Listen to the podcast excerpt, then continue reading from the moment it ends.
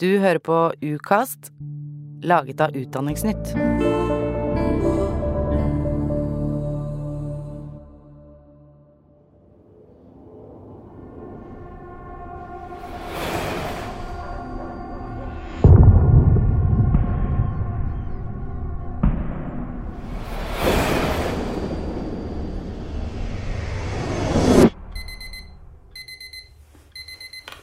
24.2.2022 våkner 15 år gamle Karina opp hjemme i leiligheten i Dnipro sørvest i Ukraina. Hun gruer seg til denne dagen, for hun skal nemlig ha en fysikkprøve. Her er NRK Dagsnytt klokka sju. Russland har i natt invadert Ukraina. Men Karina skal ikke ha fysikkprøven. Hun skal i stedet flykte for livet bort fra alt hun kjenner. Kanskje vi skal prøve å få gjort noe istedenfor å bare se på det som skjer med flyktningene. Men Jan Helge fra Sandnes skal merke at det er mye vanskeligere å hjelpe enn han trodde. For hvor i all verden skal han gjøre av 70 flyktninger fra Ukraina? Du hører historien om da flyktningene kom til Ålgård, laget av Utdanningsnytt i samarbeid med Lyder Produksjoner. Jeg heter Sonja Holtermann. Dette er episode én. Kanskje vi skulle gjort noe.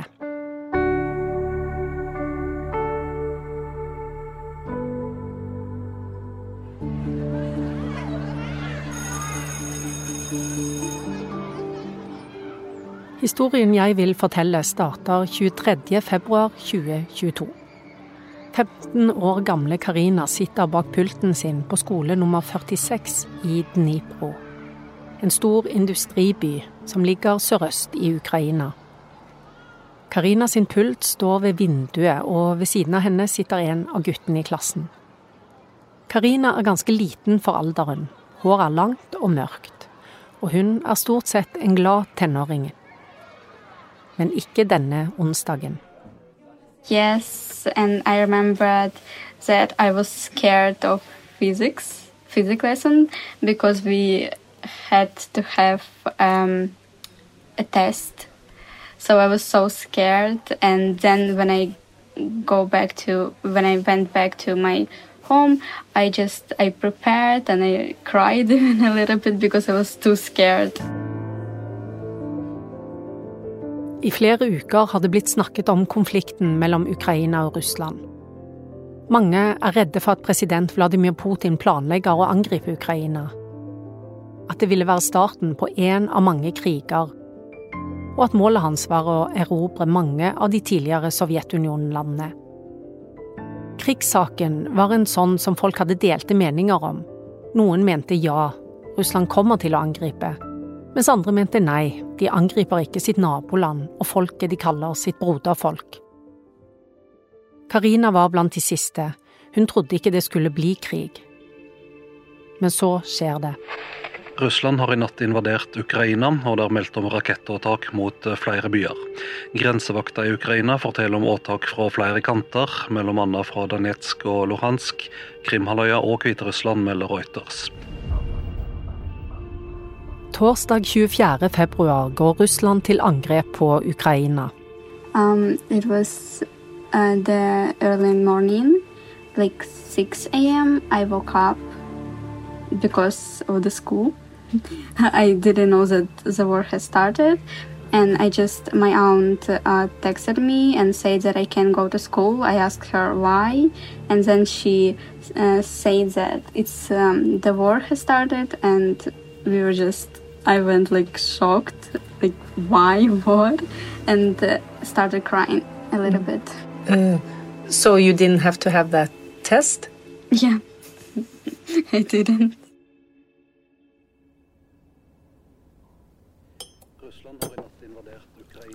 «250 mil unna, i Sandnes i Rogaland, er det en annen som får de samme nyhetene.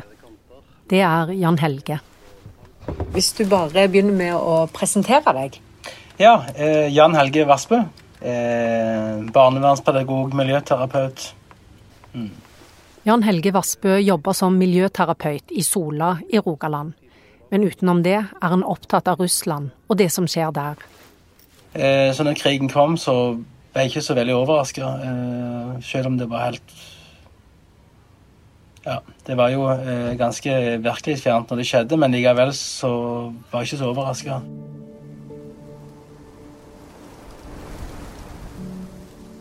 Søndag 27. februar er det åtte grader, og den vanlige vinden blåser gjennom Stavanger sentrum.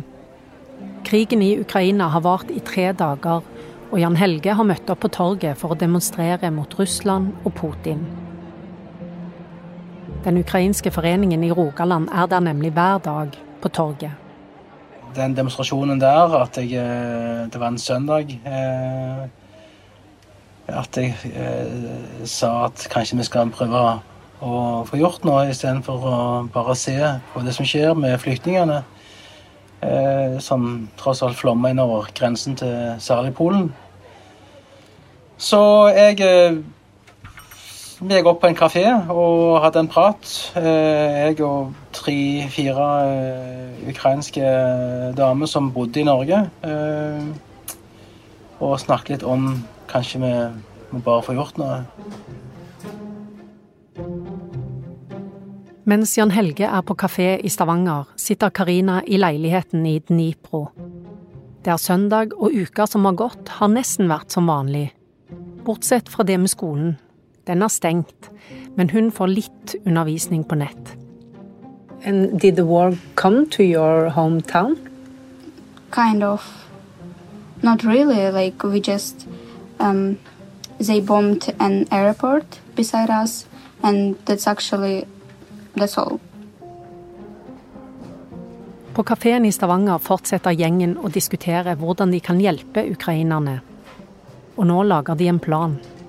De vil reise ned til Polen, til den grensebyen der flyktningene kommer, og så ta med seg noen av dem til Norge. Men planen har noen store svakheter. Så var det jo utfordringer med finansiering, å få tak i en buss på kort varsel. Eh, hva skal vi gjøre? Og, og, så var det jo òg eh, folk som var redd for eh, å gjøre ting. De var redd for å bli tiltalt for menneskesmugling og mange sånne ting som òg dukket opp i kjølvannet av dette her. Eh, men i alle fall eh, Vi ble enige med at vi må bare få gjort noe med det. Dagen etter setter Jan Helge i gang, men dette han trodde skulle bli så vanskelig, det med penger, busser og sjåfører, ser ut til å gå lettere enn han hadde trodd. Planen deles på sosiale medier, og ganske kjapt doneres penger av lokale forretningsfolk og av den ukrainske foreningen. Neste dag så så eh, fikk vi kontakt med et busselskap eh, som kunne kjøre på kort varsel. De kunne kjøre dagen etterpå. Men så skjer det noe som holder på å velte hele planen. Men pga. myndigheter som kom med advarsler mot å hente flyktninger og sånn, så, så var det jo Så ble jo nok en del redde for dette her. Eh, for folk var jo redde for å bli tiltalt, eh, for å gjøre ting som var straffbart. Noen av de frivillige trekker seg. De er redde for å bli tiltalt for menneskesmugling. Men da kommer den ukrainske foreningen på banen. Sånn at det ender opp med at det var en annen organisasjon som tok eh, ansvaret for leie av buss. Og nå går det fort. Denne bussen som eh, står her, skal i kveld reise til grensen mellom Polen og Ukraina. To busser skal sendes herifra for å hente flyktninger fra Ukraina. Tirsdag 1.3 står Jan Helge tidlig opp. Det var jo bare å pakke med seg en liten bag eh, med noen klær eh, for to-tre dager. Eh, og pakke minst mulig. Eh, og ja, eh, det var jo kaldt, det var i vinter. Eh, så Ja. Så da var det bare å komme seg på fly tidlig på morgenen reiste til Warszawa med fly. Og derifra var vi litt usikre på om vi skulle reise, for det var jo flyktninger som strømma til på flere grenseoverganger inn mot Polen. Etter å ha vært innom Krakow og ordnet tillatelser og papirer, begynner neste del av planen. Jan Helge er kommet til grensebyen Korsova og skal nå skynde seg å velge ut flyktninger som skal få være med til Norge. Men det er tungt å komme i gang. Første timene var det jo Vi var jo litt sjokkert over hva vi så òg, da. Eh, så vi trengte litt tid til å, måtte, å ta inn over oss dette inntrykket. Da vi så eh, menn som sto og tok avskjed med konene og ungene sine. Eh, de fulgte familien over grensa og, og reiste tilbake igjen for å, for å slåss. Og når vi så òg unger som satt og grein, og gamle som satt der var fortvilte, de hadde alt. Alt jeg de eide, gjerne i eh, noen trillekofferter eller bæreposer eller begge. Eh, det var alt de hadde med seg, det de kunne bære.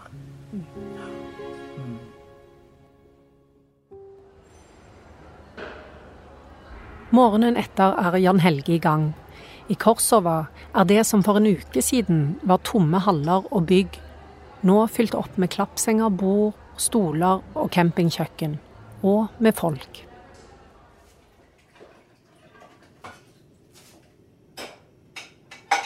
Samtidig, ganske nøyaktig 100 mil unna, i Dnipro, har Karina nettopp våkna. Krigen har vart i nesten en uke, men hun har ikke sett noen russiske soldater og det har heller ikke vært rakettangrep i byen. Men moren og bestemoren er redde for krigen som nærmer seg, og nå får Karina beskjed om å skynde seg opp. Because of the train, um, we had a schedule of trains, but because of the war, it's not regular. So we had to be at um, at the station train station as early as it possible to catch the train. Moren har nemlig hørt rykter om at det står et tog på stasjonen som skal til Lviv,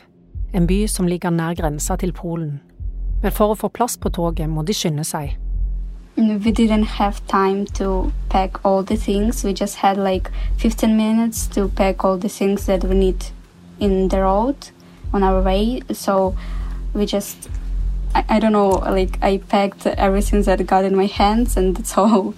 Just we left our house really fast. We didn't have time. Karina rekker ikke å pakke med seg mye, men hun får med seg det viktigste. Some clothes and um, my favorite book and uh, some photos of me. Yeah, that's all. Which book is that? Um, it's about Ah, it's Harry Potter, the first book.